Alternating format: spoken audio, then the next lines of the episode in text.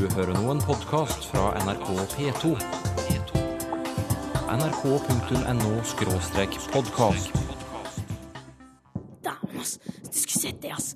Han dro den sinnssykt seige kickflipen. ikke sant?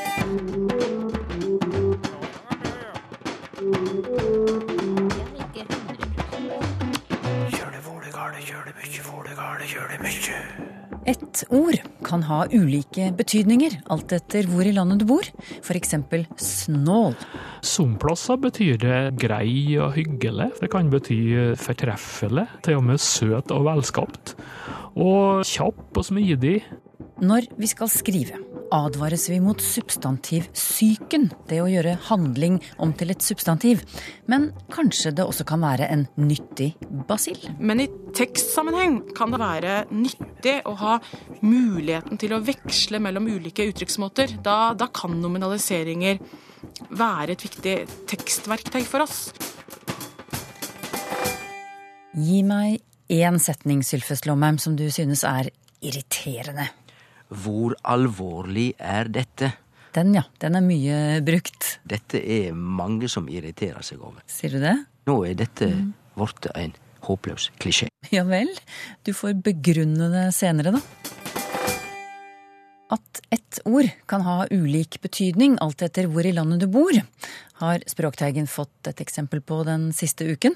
I forrige sending snakket vi om ordet trevali, og trakk da fram betydningen travel, ha mye å gjøre.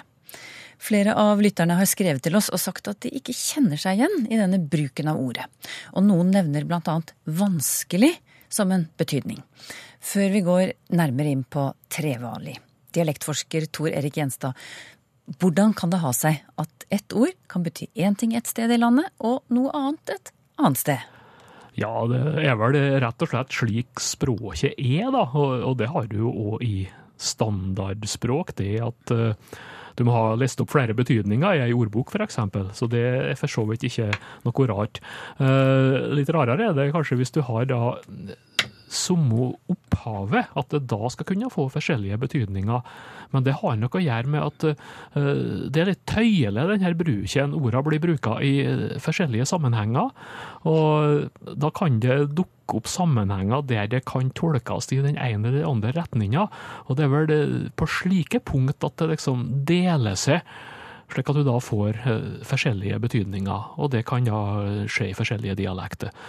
Så det er variasjon, dialektvariasjon, i ordbetydninga, akkurat som det er i uttale, i bøying og i setningsoppbygging, for den del. På alle nivåer i språket. Mm. Du, har du et eksempel på det du snakker om nå? Altså at ett ord har mange ulike betydninger knyttet til ulike dialekter? Ja, det finnes mange eksempel på det, men ta et ord som snål, da som vanligvis er det de fleste vil tenke på da, det er jo en snål person, da, en litt rar, litt merkelig. Men som plasser betyr det grei og hyggelig, f.eks. i Telemark. Det kan bety fortreffelig, til og med søt og velskapt. Og kjapp og smidig, slank og nett. Og så har vi jo et ord, snål, som kanskje er et litt annet ord, men selv særlig i østlige dialekter, uh, som grenser til Sverige, så betyr det rett og slett gjerrig og grisk. Da er du snål. Så mange forskjellige betydninger, og ett og samme ord? Ja, det er faktisk slik. Ja. Og da la oss komme til ordet trevali, eller trevaleg, som vi snakket om i forrige sending, og som ifølge lytterne kan bety både tungvint, langtekkelig, kjedelig, plundrete, vanskelig, slitsomt, for å nevne noen av forklaringene vi har fått. Og, og e-postene de kommer fra bl.a. Elverum, Løten, Gjøvik, Lillehammer, Hamar, øh, Valdres. Du er en av dem som arbeider med Norsk ordbok 2014, og trevalig er faktisk et av ordene dere redigerer akkurat nå. Ja, det stemmer. Det, Ja. det skal på trykk nå i bind 11, som eh, kommer til høsten. Ja, Hva forteller dere om akkurat dette ordet? Ja, eh, det er jo redigert ferdig et utkast der, og det, det kan jo komme til å skje en del finpuss med det enda, men eh, i hovedsak så, så ser det jo greit ut. Og så opererer jeg med tre forskjellige oppslagsformer. I vår eh, nynorsk da, så blir det jo trevaleg eller travaleg, og også en variant travleg, som vi opererer med. Og med masse uttalevarianter, da. Trevali, trevale, travale, travale, eh, travali eh, og, noen flere. Og der er det ført opp hos oss da to hovedbetydninger. Og nettopp den eh, som lytterne er inne på her, brysomt, vanskelig, strevsomt, tungvint, eh, den er så vanlig at redaktøren her han har rett og slett bare ført opp heller vanlig, så det er spredd over hele landet, akkurat den. Og det er slik som at det er, det er trevelig å få til, trevelig å komme til, å finne fram et trevelig arbeid. Eh, Det går trevelig, det går seint og trevelig. Det er eksemplene der. Men eh, så er det òg ei betydning travel. Men den er nok atskillig mindre vanlig. Og der er det da ført på eh, hos oss en geografisk heimfesting, med at det er nevnt opp eh, flere enkeltkommuner og en del eh, litterære eksempel. Så Ja, hvor, i, hvor i landet finner vi den betydningen, da? Flere plasser. eh, Det er nevnt eh, i Trøndelag, da, eh, en del plasser der. Meldalen, Budalen, Snåsa, Høylandet. Og det er Jeg har kikka gjennom materialet, og det her bygger jo på nesten 300 belegg. Og flere oppskrivere som er absolutt regna med som pålitelige, de fører opp begge betydningene. Både strevsom og travel. Fra Vega på Helgeland, eksempel, er det ført opp. Surnadalen, en eh, utrolig god informant som heter for Bjarne Østbø, han fører opp et eksempel som at det blir travelig å vinnast åtti. Altså vinnast åt, det betyr å rekke. Så da betyr det at det blir, det blir vanskelig å rekke det, og da er det jo også travelt. Så det, de står jo ganske nede, de her betydningene. Og, øh, og sammenhenger som en travalig dag. Altså en dag da ting går øh, tungvint og vanskelig, men også da at det blir travelt fordi at, nettopp fordi at du har problemer med å rekke det du skal. Så det, det ligger så nære tangerer det her, så det, det er en betydningsutvikling som er helt grei. Og slektskapen med travel, eh, som dere nevnte, eh, den er nok der, men de har nok eh, uavhengig historie til dels, det her vanlige adjektivet travel, og det her trevali. Men det henger nok på et eller annet vis sammen med fransk travail, arbeid, og strev, da. Da har vi vel utredet ordet trevali ganske grundig.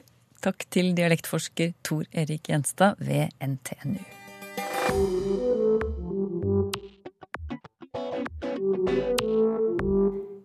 Bli ikke smittet av substantivsyken, står det i språkvettreglene. Ikke skriv Kari foretar innhøsting av epler, når du like gjerne kan skrive Kari høster inn epler. Men vi behøver ikke frykte substantivsyken i alle sammenhenger. Den kan også være en nyttig basill. Språkforsker Henriette Hogga Siljan ved Høgskolen i Vestfold. Dette skriver du om i doktoravhandlingen din. Og der kaller du det ikke substantivsyke, du kaller det nominalisering. Hva er det? Ja, tradisjonelt så kan man si at nominalisering det innebærer at man tar et ord fra én ordklasse, da hovedsakelig verb, eh, og gjør det om til et nomen, som da i denne sammenheng vil si et substantiv. Og for eksempel så kan vi ta verbet å lese og gjøre det om til substantivet lesing. Og selve dette omgjøringsfenomenet, som man kanskje kan si, det kan med nøytral fagtarm omtales som nominalisering. Eh, Men i mange tilfeller så betegner man ikke mm, dette fenomenet på en slik nøytral måte, men kobler det til substantivsyke, som jo er ganske negativt ladd. Og dermed knyttes jo det å nominalisere verb til noe som har med sykdom å gjøre. Med andre ord noe man bør passe seg for og unngå å gjøre. Ja, Vi skal komme litt tilbake til hvorfor du mener at dette, dette ikke alltid er negativt. da, Men først, hvorfor har nominalisering fått så dårlig rykte? Um, ja, selve begrepet substantivsyke um, kan spores tilbake til um, den svenske språkriktighetstradisjonen, der skribenter ble rådet til å fjerne seg da mer fra kansellistilen når de skrev, eller altså da den innviklede skrivemåten som preget mye offentlig språkbruk, og i stedet burde man skrive enkelt og greit og unngå abstrakte uttrykksmåter, deriblant nominaliseringer. Så i praksis så ble man oppfordret til å bruke talespråket som rettesnor når man skulle formulere seg skriftlig. Og denne tradisjonen ble da senere ført videre til Norge i mange norske lærebøker og håndbøker som omhandler hvordan man skriver godt så kan man ofte møte konkrete tips og regler som skriv som du snakker, og tips om at man skal unngå såkalte papirraslende og pompøse uttrykksmåter. Og mange kjenner vel kanskje til de ti språkvettreglene som du, som du nevnte innledningsvis, der ett av budene tar opp nettopp dette med at man må unngå å bli smittet av substantivsyken. Men har, har du et eksempel eh, der du selv ikke syns det fungerer så veldig godt å nominalisere? Altså I stedet for å skrive at tekster kan bli tungleste når man bruker overdrevent mange nominaliseringer, så kan man jo lage unødvendig kronglete formuleringer av typen Overdreven bruk av nominalisering av verbuttrykk ved skriving av tekster kan føre til tunglesthet. Og når man, man da får en rekke slike nominale uttrykksmåter etter hverandre i en tekst, så kan det bli veldig tungt og tettpakket. Ja, det hørte jeg faktisk at det ble. Men så mener du altså at nominalisering i visse sammenhenger kan være bra og nyttig. Øh, og på hvilken måte? Jo, i veldig mange tilfeller eh, gjør nominalisering en viktig jobb for oss i teksten. Særlig er de viktige redskaper for eh, skribenter når man skriver fagtekster på et eller annet nivå. Um, for eksempel kan nominaliseringer være et nyttig verktøy for å strukturere eller organisere skriftlige tekster for oss, bidra til å skape språklig variasjon og flyt i teksten. Og vi kan f.eks. ta utgangspunkt i i en naturfagtekst som handler om det å fremstille aluminium. Og når man har behov for å skrive noe om dette fenomenet, så kan man da bruke verbuttrykket 'fremstille' eller og fremstille aluminium til å begynne med.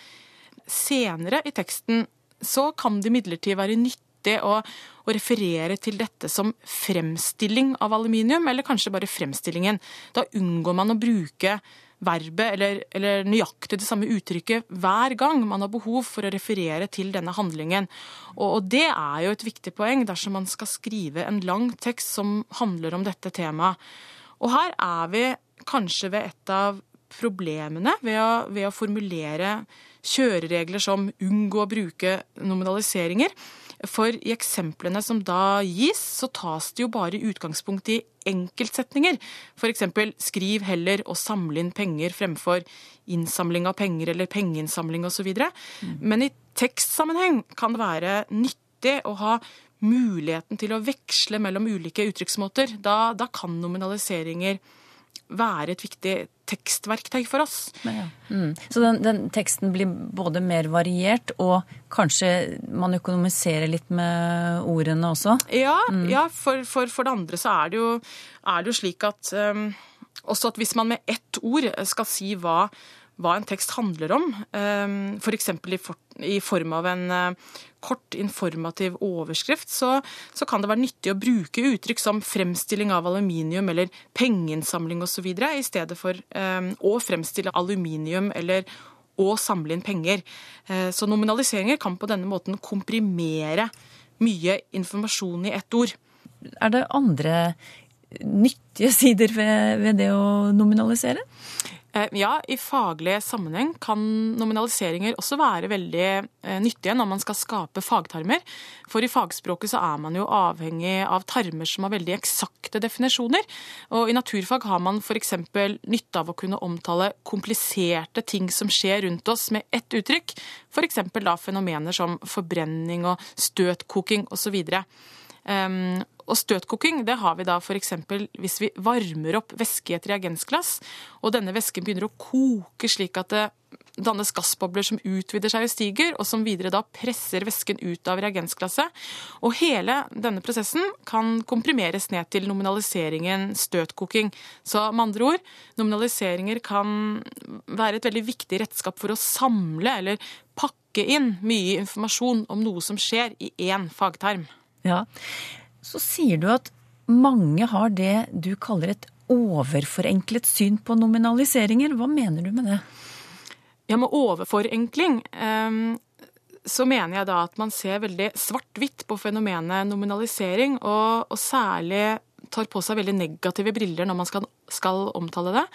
Um, og jeg forstår jo veldig godt at når man skal lage noen enkle og greie kjøreregler om god skriveskikk, så er det viktig å være veldig konkret og generaliserende, og heller si ikke bruk nominaliseringer, i stedet for å komme med mange hvis og dersom. Men, men, samtidig så frarøves mange skribenter et veldig nyttig og funksjonelt skriveredskap dersom de kun møter denne regelen uten videre nyansering. Eh, for det er jo ikke slik at nominaliseringer alltid bør unngås. Og, og derfor mener jo jeg, og, og for så vidt mm, en del andre, at man på ulike opplærings arenaer, som skolen er ett godt eksempel på, eh, så er det viktig at eh, det presenteres et noe mer nyansert syn på dette språktrekket. Jeg syns ikke at regelen om at du skal skrive som du snakker, eh, hvilket da bl.a. innebærer at man bør unngå nominaliseringer, at det passer seg i alle sammenhenger. For skrift er jo tross alt noe annet enn tale. Og vi organiserer ofte informasjon annerledes når vi snakker enn når vi skriver. Så så nominaliseringer kan eh, gjøre en verdifull jobb for oss, særlig når man arbeider med å skape god flyt og variasjon i skriftlige tekster. Det mente Henriette Hogga Siljan, som har skrevet en doktoravhandling om nominalisering. Til daglig finner du henne ved Høgskolen i Vestfold. Kjør det vålegale, kjør det mykje, vålegale, kjør det mykje.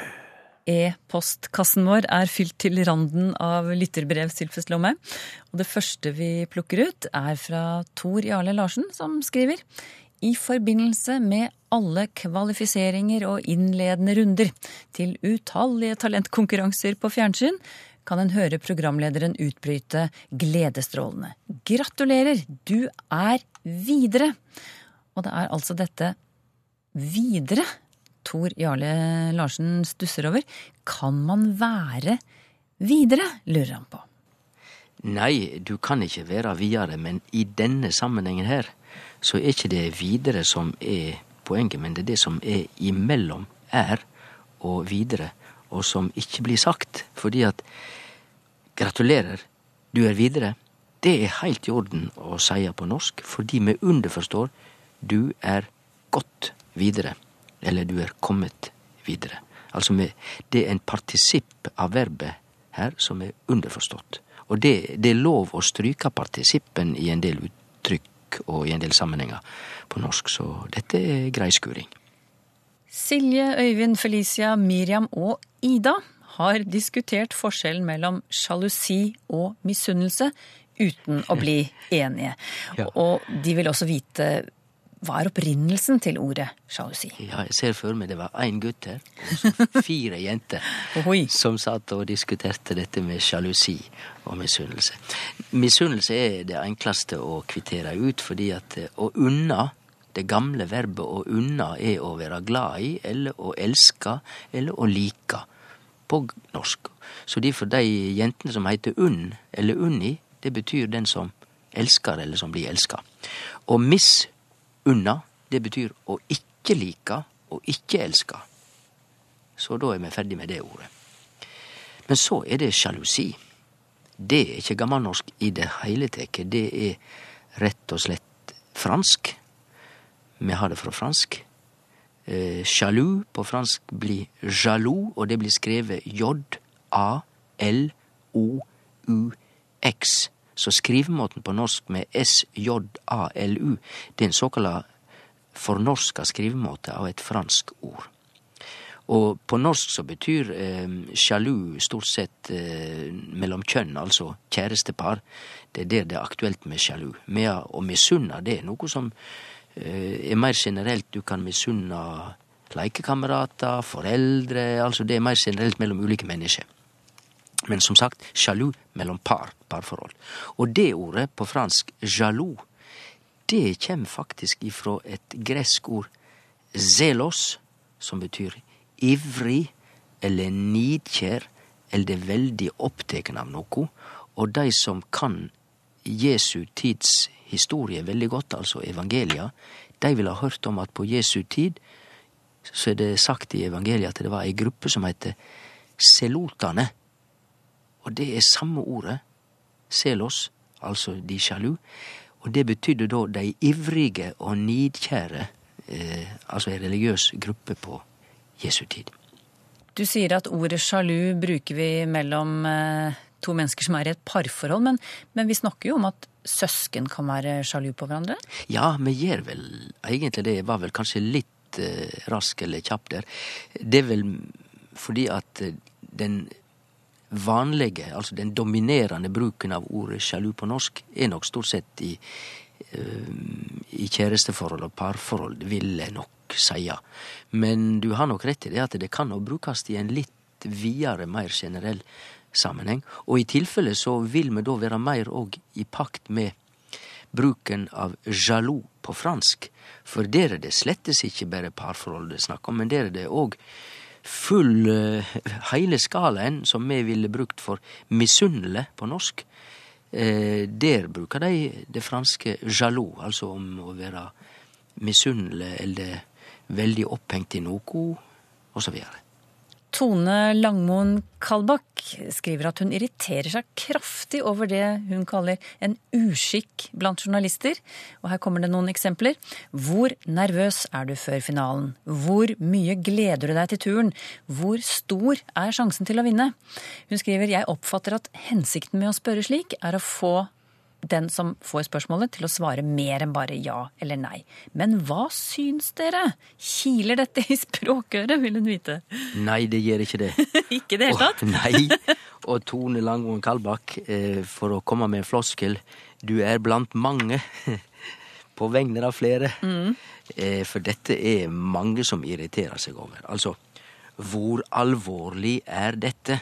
Og da er det en del eh, som har sagt til meg når de får slike spørsmål, så har jeg lyst til å løfte opp hendene og si ja, det er så alvorlig, og så peker de med hendene, avstanden mellom hendene for å vise hvor dumt dette egentlig er. Eller man kan si ja, det er vel sju?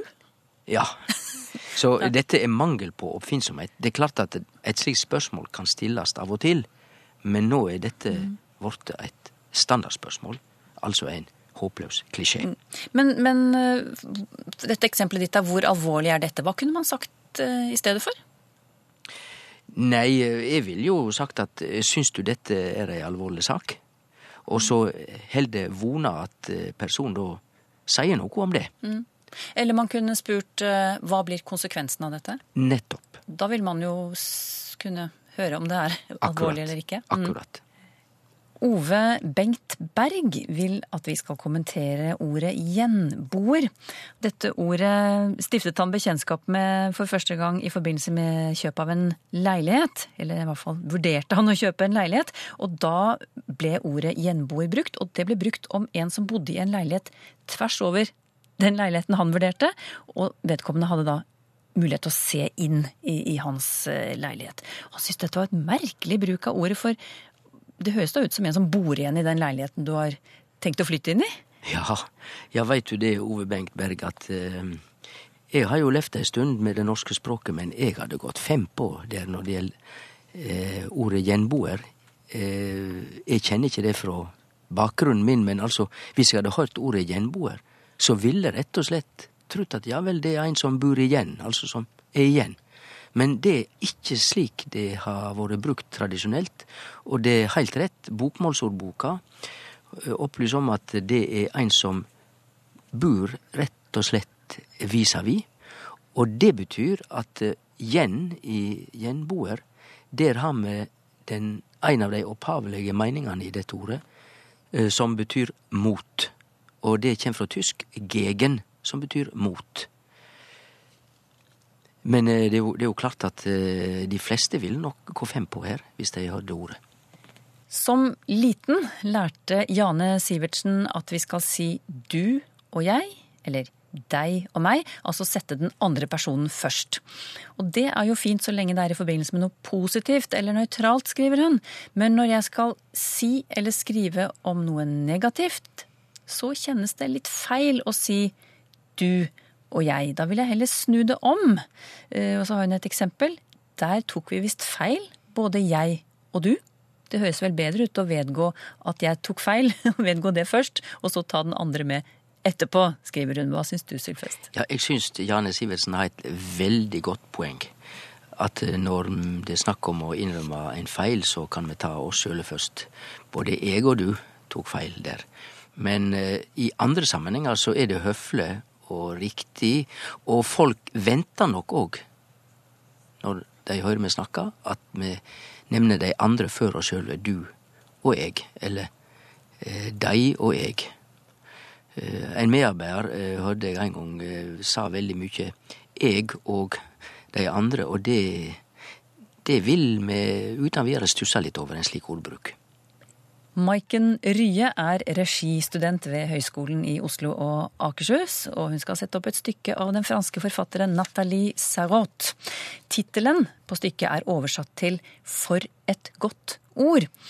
Og Maiken skriver at hun forsøker å komme til bunns i dette uttrykket, men det klarer hun ikke helt. Og hun legger til at den originale tittelen på stykket er Pour un oui ou pour un non. Altså for et ja eller for et nei. Men dette for et godt ord, kan du hjelpe henne ja, litt der? Ja, det kan jeg heldigvis med min franske bakgrunn.